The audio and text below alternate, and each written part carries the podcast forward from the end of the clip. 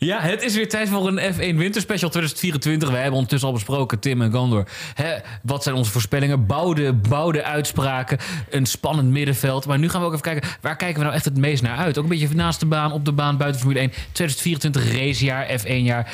Wat, ja, uh, bij jou te beginnen eigenlijk, Gandor.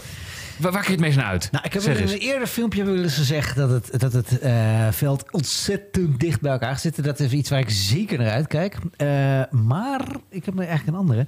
Eigenlijk twee. Oké, okay. ja, ja, goed, goed, goed. Ten eerste die kalender. Het is een fantastische kalender. Heb je het, het, het is de langste ooit. Uh, en we gaan alle hoeken van de wereld zien.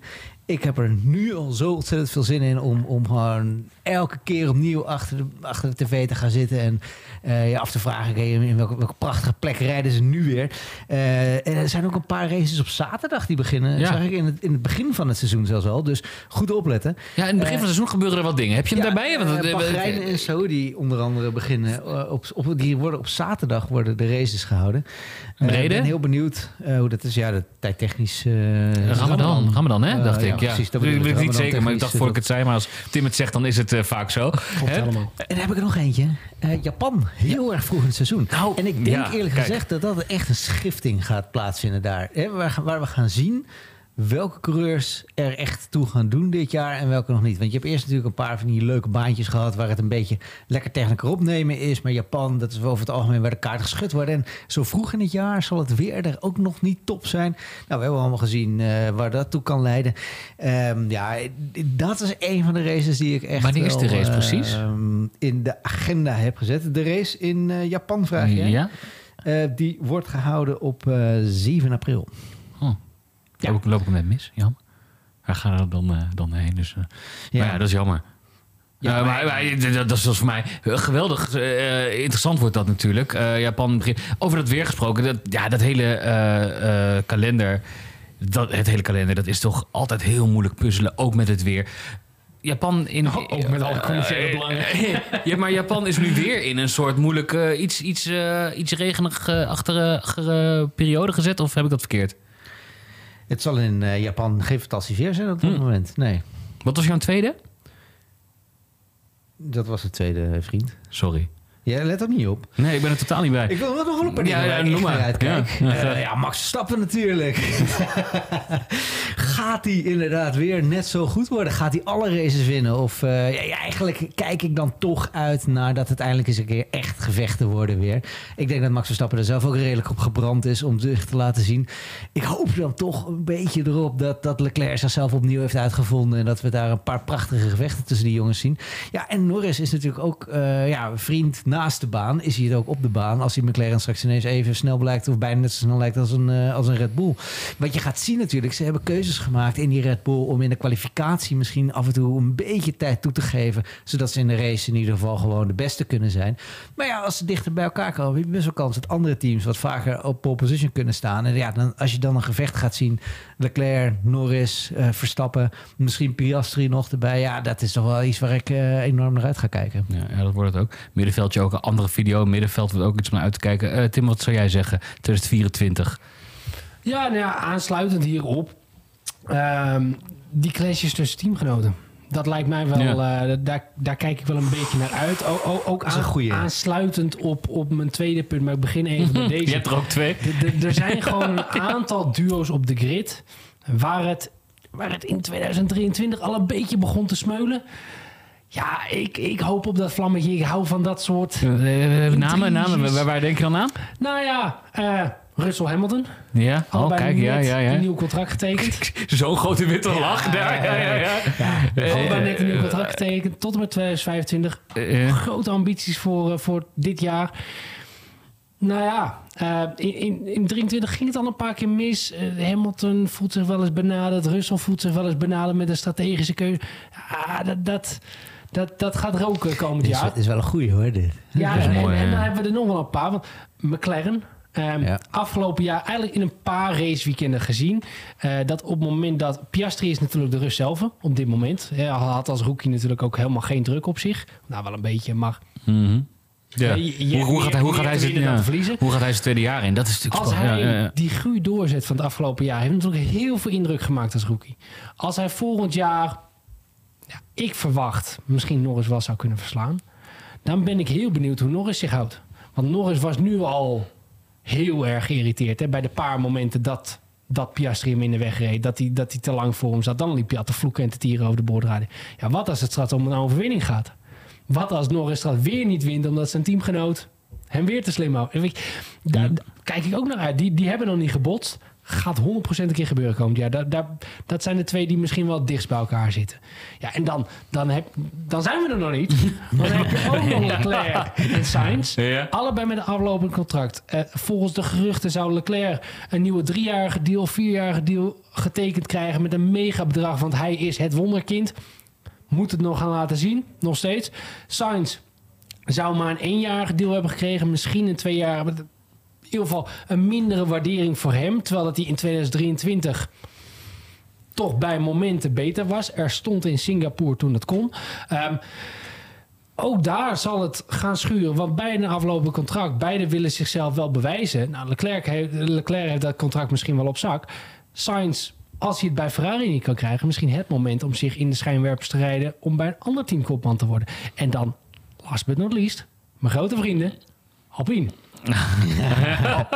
Ja, je brengt zegt heerlijk. Het is goed om te luisteren. Je ziet toch wel weer wat geknakte baguetjes. Uh. Nou, ja, ik heb die Beyond the Grid ook weer geluisterd van Pierre Gasly. Uh, ik, ik, heb Esteban Ocon ook uh, in een interview mogen spreken afgelopen jaar. Um, hoeveel er ook wordt gezegd, die twee zijn echt geen vrienden. Gasly heeft dat ook echt bevestigd dat Ocon heel erg afzijdig is binnen dat team. En dat hij dat allemaal accepteert bullshit als je die boordradio's hoort. Want nou, die, die, zeker in Japan liep hij natuurlijk ook te vloeken en te tieren dat hij, dat hij zijn plek kwijtraakte aan Ocon. En dat is vaker gebeurd. Gasly heeft die strijd verrassend genoeg gewonnen in zijn eerste jaar bij Alpine. Ook allebei een aflopend contract. Nou, Alpine is ertoe in staat. Maar ze zouden bezopen zijn als ze deze twee ook na 24 allebei vasthouden. Nee, maar ze hebben, dat, ja, dat zijn ertoe in staat. Ze hebben ook toch ook voor vijf jaar getekend toen? Of was nou, heel veel verlang. Ja, ja. Maar, maar de winnaar van dit duel houdt ze zitje. Of krijgt misschien wel een stap naar een hoger team. Maar één van de twee blijft. Ze kunnen moeilijk alle twee blijven. Dus dat, dat wordt knokken. Ja, ik zie Gal, ik zie, ik zie Gal helemaal trillen op zijn stoel en aan het genieten. Ik, ik, zit er helemaal in. Ja, ja je vertelt heerlijk, maar dat is wel echt iets om naar uit te kijken. Jeetje, Ja, en, en dat gekoppeld, hè, dan komen we bij mijn tweede punt waar ik naar uitkijk. Oh, we waren nog bij punt 2, ja, bij punt 1. Ja, een heel artikel geschreven met vijf punten. Snap je dat ik die punten door elkaar ga halen? Ja, ja, ja. ja, Ik hou het op twee punten.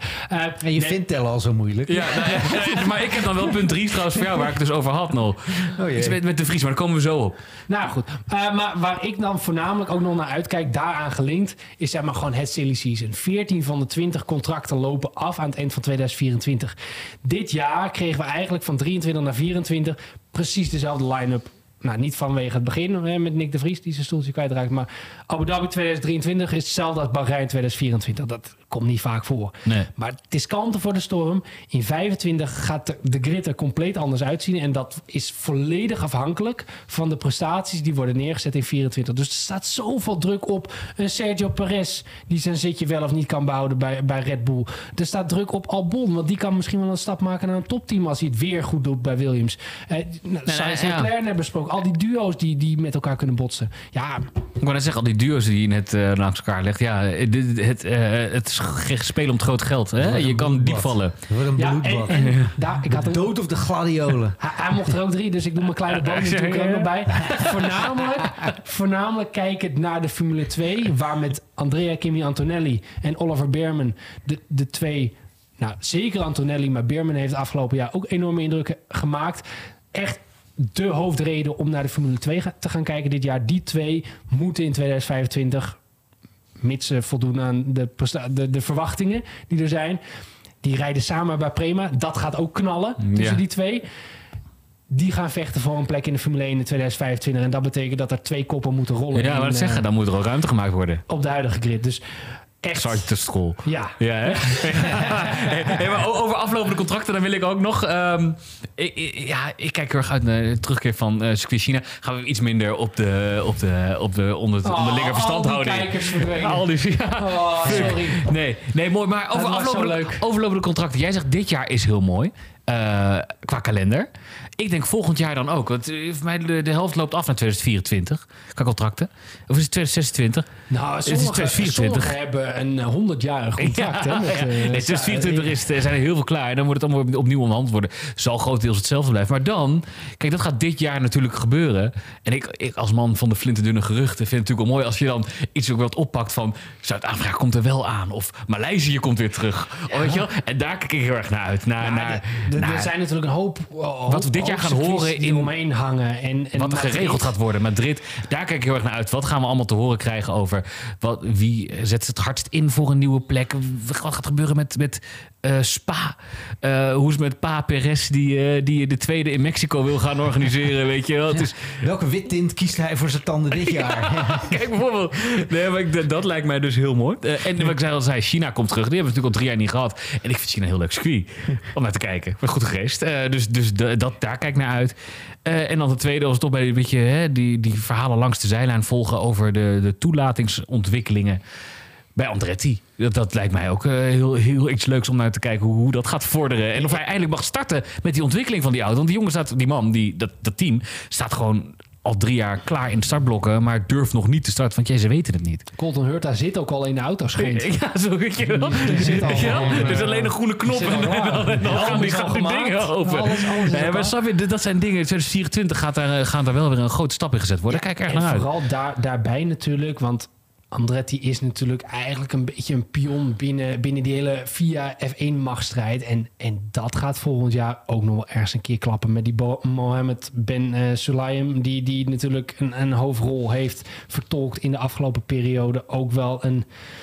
Nou, volgens mij heeft de FIA ook wel een dubieuze rol gespeeld in de, in de Toto Wolf, Susie Wolf saga.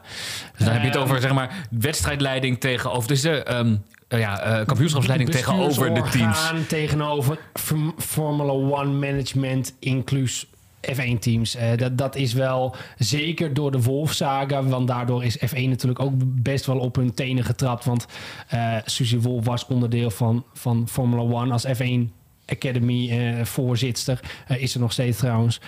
Um, ja, dat de FIA daar onderzoek naar ging doen naar, naar protocollen van F1. Ja, dat, dat heeft die machtsstrijd alleen nog maar gekker gemaakt. En Andretti is daar een onderdeel van. En Andretti is natuurlijk goedgekeurd door de VIA. Um, voor nog wel een leuke strijd. Maar ja, weet je, Andretti zou als naam mooi zijn. Maar ja, de, de teams staan er niet bepaald om te springen. Zo is het.